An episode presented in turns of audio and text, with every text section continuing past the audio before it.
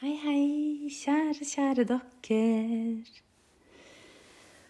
Håper du har en fin dag, og at du kan ta noen dype pust her med meg. Og bare kjenne at du er til stede i kroppen. Og takknemlig for den kroppen du har. Kjenn at du lever, kjenn at du er her. Og du er for en grunn. Det er ikke tilfeldig at du er akkurat der du er nå, tror jeg. Og vit også at du er din egen lykkes smed. Du kan velge. Du kan bestemme over livet ditt. det er å lytte til den indre stemmen. Det å tørre å gjøre det, lytte til det som kjennes riktig. Ah, det, altså.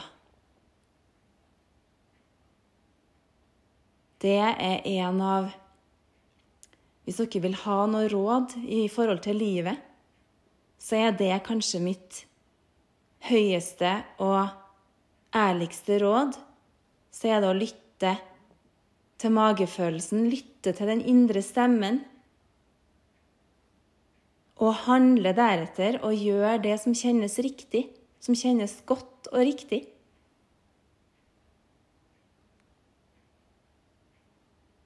Og tørre, tørre å ta sjansen. Tørre å gjøre det. Tør å både starte noe og avslutte noe. Tør å leve i pakt med deg selv. Tør å sikte mot sannhet. Sikte mot ærlighet og redelighet og renhet. Og sikte mot det som er ekte. Vær deg sjøl ekte og ærlig. Si det du mener. Åh, jeg kjenner jeg blir sånn Det her er så viktig for meg, det å lytte til magefølelsen. Nå føler jeg meg ganske heldig, for jeg har vært, helt fra jeg var barn, så har jeg hatt en veldig tydelig magefølelse. Jeg har hatt en veldig tydelig indre stemme. Jeg tror jeg bare var født sånn. Født med å lytte til den indre stemmen og også født med motet til å gjøre noe. Det er jeg også veldig glad for. For helt fra jeg var liten, så hadde jeg et ganske sånn Ja, et mot til å tørre å si det jeg mener, og til å Hvis jeg møtte et eller annet, eller møtte på en eller annen ting i livet, eller kom over noe Oi, det her vil jeg gjøre! Ja, det, men det klarer jeg jo kjempebra. Jeg har aldri gjort det før, men da går det sikkert helt supert. Jeg var litt sånn Eller hvis det var noe jeg hadde ønska meg en stund inni meg, så sa ikke jeg det nødvendigvis til andre, men jeg bare gjorde det. Utretta det jeg hadde tenkt på. Og så fikk folk høre om det etterpå. Og derfor har jeg fått noen ganger 'Oi, kan du det òg, du, Marianne?' Eller 'Har du gjort det òg?' Det har ikke jeg hørt noe om at du har sagt noe om. Men jeg pleier ikke å si noe om det. Jeg pleier bare å gjøre det, og så får folk vite etterpå. Fordi jeg er jo litt sånn nå høres jeg kanskje litt streng ut, men jeg syns det er veldig slitsomt med mennesker som sier 'jeg skal gjøre sånn og sånn', ja, og så ønsker jeg å gjøre sånn og sånn. Og nei, det skal jeg gjøre, ja. Nei, jeg skal gjøre sånn, jeg. Og neste uke skal jeg gjøre sånn, eller neste år. Ja, jeg skal gjøre sånn og sånn, jeg. Og så gjør de det aldri. Å, herregud. Da får jeg helt sånn derre Å, herregud, bare løse ord. Jeg hater bare løse ord som ikke betyr noe. Ja, det er helt greit at folk har drømmer. Jeg har lyst til å gjøre sånn og sånn. Det, og det er selvfølgelig lov å dele det med meg, men hvis det er en sånn ting som går igjen da, hos samme person, at ja, jeg skal gjøre sånn og sånn, og jeg skal gjøre sånn, og så gjør de det aldri, da slutter jeg å stole på den personen, for da er det bare svada, sant? Og jeg syns det blir for dumt å gå og si ting som jeg skal gjøre, uten at man gjør det. Da syns jeg det er mye bedre å gjøre det først, uten at du har sagt noe om det, og så får folk vite at du har gjort det i stedet. Jeg syns det er mye kulere og mye tøffere og mye renere og mye mer ekte og ærlig. Som dere skjønner, så er ektehet og ærlighet utrolig viktig for meg. Det å bli løyet til er en ting som jeg tar ganske alvorlig. Jeg vil jo ikke ha hvite løgner heller. Jeg liker ikke det heller. Selv om sikkert noen har servert meg noen hvite løgner for å beskytte meg, men jeg trenger ikke å bli beskytta. Jeg tåler den nakne sannheten. Jeg vil ha den, og jeg vil sannsynligvis å gjennomskue det hvis jeg ikke får den. Da kjenner jeg at det er noe som ulmer, og da er det verre for meg å gå og lure på hva det er, enn å få vite sannheten. Nå blir det et uh, nytt segment i samme episode. Eller jeg fortsetter på det jeg snakka om, men jeg ble bare avbrutt av et anrop på telefonen. Og da plutselig stoppa opptaket. Ja da. Så her lærer jeg nye ting om podkasten hele tida. Så nå håper jeg at de her segmentene blir OK satt sammen i samme episode. Jeg snakka om ærlighet. Jeg tåler sannheten, og jeg vil heller ha sannheten enn noe sånn svada-oppspinn. OK? Og det er så deilig. Og også sannheten om denne podkasten. Hvis dere har noen tilbakemeldinger, please gi dem til meg. Jeg har fått flere tilbakemeldinger på ting. Og jeg tar imot hva som helst av tilbakemeldinger. Um, det gjør jeg, men det betyr ikke at det er fritt frem for å slenge dritt. Uh, nå tror jeg ikke noen av dere har lyst til å gjøre det, men hvis det er noen som har lyst til det, så bare sleng den dritten et annet sted i stedet. For det tar jeg ikke imot. Uh, men åpen og ærlig, redelig tilbakemelding med en god hensikt, ja takk. Det tar jeg veldig gjerne. OK, jeg skulle jo egentlig i dag snakke om et litt sånn Eller nå snakke om et ganske sånn eh, Ja alvorlig tema, vil jeg si. Følsomt tema. Egentlig for alle. Økonomi. Ok. Hvis jeg spør deg nå, hvordan er økonomien din? Har du oversikt, eller er det bare rot? Ok, har du Føler du en god magefølelse og ro i magen når du hører ordet personlig økonomi, eller får du helt angst? Hvis du får helt angst, så vit at du ikke er den eneste, i hvert fall, som får det.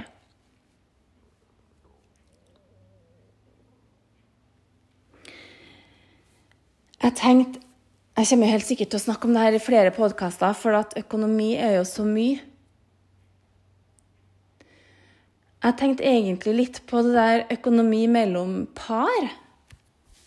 Akkurat det temaet der tenkte jeg å snakke litt om i dag. Men det er absolutt mulig å følge med på det om du ikke er i et forhold også. Eller kanskje du har vært det før. Kanskje du har en eks som skylder deg penger. Hvis du har en eks som skylder deg penger, sørg for å få det tilbake før det har gått for lang tid. Hvis eksen er vanskelig, så søk hjelp. For det er sånn som Én ting er jo å låne penger til hverandre når man er sammen. Det er man jo interessert i, men man er jo virkelig ikke interessert i å ha noe utestående hos en eks. Altså, Fins det noe som er så turnoff som det? Og det beste er jo hvis man får gjort opp når man er sammen. Sant? Og For da er det noe annet. Da er det ofte lettere å få den personen Nå tenker jeg jo hvis du har lånt ut penger, da, hvis du er den som låner penger, så er det jo fint å prøve å betale tilbake òg, for å være redelig og ærlig og tro. Men er det du som har noe utestående, så er det alltids fint å få ordna opp snarest mulig, eventuelt dele det opp, beløpet. For det man helst vil, er jo å få tilbake alt. Man kan selvfølgelig gå til forliksrådet, men Det beste er å gjøre opp seg imellom på en sånn vennlig måte, og at man kan dele opp beløpet, sånn at det blir mulig for den eksen å betale tilbake. Går du i forliksrådet, så vil det gjerne bare bli delt i to også, sant? så får du bare halve tilbake. Men du vil jo helst ha hele. Så da også rett og slett ordne en betalingsordning. Ordne et gjeldsbrev går det også an å gjøre. Som gjør at den eksen kan betale deg sakte, men sikkert tilbake. Og det er mye bedre for alle. Og så er det jo veldig bra for den eksen òg å ha fått gjort opp for seg. Sant? Og så selvfølgelig for deg som skal ha pengene dine. Jeg tenkte på litt med det der med par og det å ha enten fellesøkonomi eller eller ikke. Um, nå kan jeg bare fortelle litt om Det er jeg ganske åpen om, så vi har ikke noe skjul på det her, jeg og min kjære. Og jeg syns jo at vi har en utrolig bra ordning. Nå er det jo sånn at vi begge har særkullsbarn, så vi har to barn hver. Og når vi har det, så syns jeg at det er rettferdig. Og han også. Vi har jo snakka, jeg og han, vi har snakka så mye om økonomi. Og det er jeg så glad for. Det gjorde vi helt fra starten. Så var vi åpne om økonomi. Og bestemte oss for hvordan vi skulle ha det. Vi har bestemt å praktisere ikke felles økonomi. Og vi blander oss heller ikke i hva den ene bruker penger på.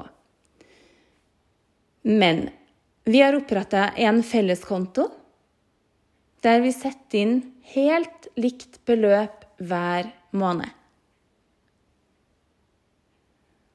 Det er det vi syns er rettferdig. Og jeg tenker så langt som at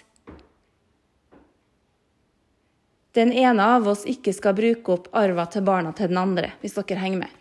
Sant? Hvis f.eks. jeg, da Veldig ofte så er det jo mannen som tjener mest. sant? Det er jo ikke likestilling her i Norge i det hele tatt ennå på arbeidsmarkedet, så menn tjener gjerne mest. Hvis f.eks. min kjære hadde tjent mest Jeg syns ikke det hadde vært rettferdig at han skulle betale mer, som da begunstiga meg. For da kunne han heller ha spart de pengene, slik at det gikk til arv til hans barn. Jeg vil ikke bruke opp arva til hans barn, og jeg vil heller ikke at han skal bruke opp arva til mine barn. Derfor har vi valgt å sette inn likt beløp hver måned på felleskontoen. Og det funker så bra. For da blir det ingen tvil om at vi er sammen bare for at vi har lyst, ikke fordi vi må, og ikke for at den ene skal snylte på den andre. Det er også en ting som jeg er litt allergisk mot. Nå er jeg ganske sånn direkte her, men snyltere klarer ikke snyltere. Jeg har vært utsatt for mange. De blir ganske fort dumpa. Altså, nå tenker jeg på venner òg, altså eller folk, hvis jeg merker at det er noe sånn snyltegreie på gang, så klipper jeg dem ut av livet. Funker så bra. Jeg har alltid vært veldig raus, så jeg elsker jo å kjøpe gaver til folk. Og jeg liker også å spandere en kaffe i ny og ne. Eller å ja, f.eks. si ja, men jeg kan betale i dag. Og jeg kan også gi ganske sånn kostbare gaver innimellom. Hvis jeg vil gi akkurat den tingen, så gjør jeg det. Det har alltid vært en prioritet for meg å gjøre Eller å være raus med andre. Um, men hvis jeg merker at en person begynner å utnytte, da er det over. It's so over, for å si det sånn. Ja. Og i forhold til meg og min kjære så var vi ganske raske til å opprette denne felleskontoen. Da har vi også veldig god oversikt eh, på hva vi bruker også. Vi hadde jo også en byggekonto, eller det var en felleskonto det òg. Det var kanskje samme kontoen jeg tenker meg om da vi holdt på med oppussing. Og betalte også like mye på det. Og vi, da vi kjøpte hus sammen, så eier vi 50-50 og gikk inn med like mye. Fordi jeg kan aldri tenke meg å eie mindre av et hus jeg bor sammen med en mann i. Så glem det, tenker jeg. Jeg sier ikke at det er galt. Det sier jeg ikke. Husk på at du gjør ting på din måte. Du og din kjære gjør ting på deres måte. Og det har jeg ikke tenkt å uttale meg om. Men jeg har lyst til å fortelle om vår situasjon, og hva som fungerer for oss. Så vi eier likt i huset. Vi har betalt likt av oppussing, og vi har en felleskonto som går til mat, strøm, kommunale avgifter ja, og alt som går til fellesen. Det som er så fint også da, med å eie likt og betale likt, det er at ingen av oss kan si 'jeg betaler mer, derfor må du gjøre mest husarbeid'. Fordi jeg syns jo egentlig det her er på generell basis. Hvis det er et par som bor sammen, hvor den ene betaler mye mer, så syns jeg faktisk at det er fair at den andre gjør mer husarbeid. Så at det blir en slags likt bidrag til fellesen. Det som ofte kan være problemet, da, er jo at vi kvinner havner i den såkalte kvinnefella. Har dere hørt om husmordommen? Da var det en kvinne som hadde vært i et ekteskap hvor mannen var ute og tjente penger, bygga seg en formue, og hun var hjemme og passa barn. Og hennes penger gikk til husholdet, altså det vil si ganske usynlig, da, at det bare forsvinner. Mens mannen kanskje, om han har investert i aksjer, nå fantaserer jeg litt, da, bygger seg opp en formue, eh, pensjonspoeng og alt mulig. sant? Dere skjønner tegninga. Og så skulle de skilles. Og da sto jo egentlig hun på bar bakke, for hun hadde ikke bygd seg opp. Kanskje hun ikke eide noe i huset heller, det husker jeg ikke. Men dette er bare en sånn tenkt situasjon, inspirert av husmordommen. Um, da kunne hun bli stående på bar bakke, for alle pengene hun hadde tjent eller fått inn, hadde jo gått til mat og klær til barna, sant? ganske usynlig. Mens han hadde jobba seg opp pensjonspoeng, kanskje en bufferkonto, eid hele huset. Og da kunne hun ha risikert å bare bli stående på bar bakke, og det er jo veldig urettferdig når hun har muliggjort hans karriere. Hun har vært hjemme med barna og tatt vare på hus og hjem og barn, mens han har vært ute og jobba og ordna seg en fet karriere. sant? Veldig urettferdig hvis hun skal stå på bar bakke når de skilles, men det skjer ofte. Men så kom jo husmordommen, da, sant? som tilkjente hun lønn for arbeid i hjemmet, eller, slags, ja, eller et slags oppgjør, da, kan man si. Så da fikk hun en del penger av han likevel ved bruddet. Og det syns jeg er bare så sinnssykt viktig. Men for å slippe å komme i den husmorfella, skulle til å si kvinnefella, da, så syns jeg det er jo så viktig at vi kvinner er økonomisk selvstendige. Sant? Vi skal søren meg også spare i aksjer. Vi skal også ha fond, vi skal ha en buffer, vi skal eie hus kjenner jeg blir veldig engasjert her. For dette er også en av mine hjertesaker, at vi kvinner skal være økonomisk uavhengige. Fordi det blir jo søren meg aldri likestilling her hvis vi ikke er det. Sant? Hvis kvinner lever på mannen sin, eller det finnes jo også kvinner som lever på eksen, sant? som skviser ut av barnebidraget av eksen sin. Det har jeg heller ikke noe veldig stor respekt for, hvis det går an å si det. Um, det blir aldri likestilling hvis kvinner fortsetter å leve på en mann, om det er din ektemann eller om det er en eks. Jeg har mer forståelse hvis man er gift og har felles barn, eller er sammen og har felles barn, samboere. Da er det noe annet, for da skal jo de felles barna arve begge uansett. Men har man særkullsbarn, sånn som jeg og min kjære har, så må man være ryddig med det her, syns jeg. Du, har du en god ordning, da? At du, du og din kjære, mann eller dame, med felles barn bor sammen og bidrar like mye på et vis. La oss si at den ene jobber mer mens den andre gjør mer i huset, f.eks. Så har man felles økonomi.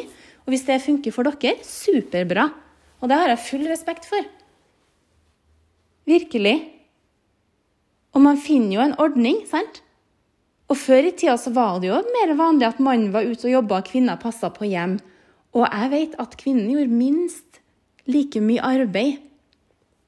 Sant? Minst like mange timers arbeid i døgnet som mannen, og det skal jo også egentlig belønnes.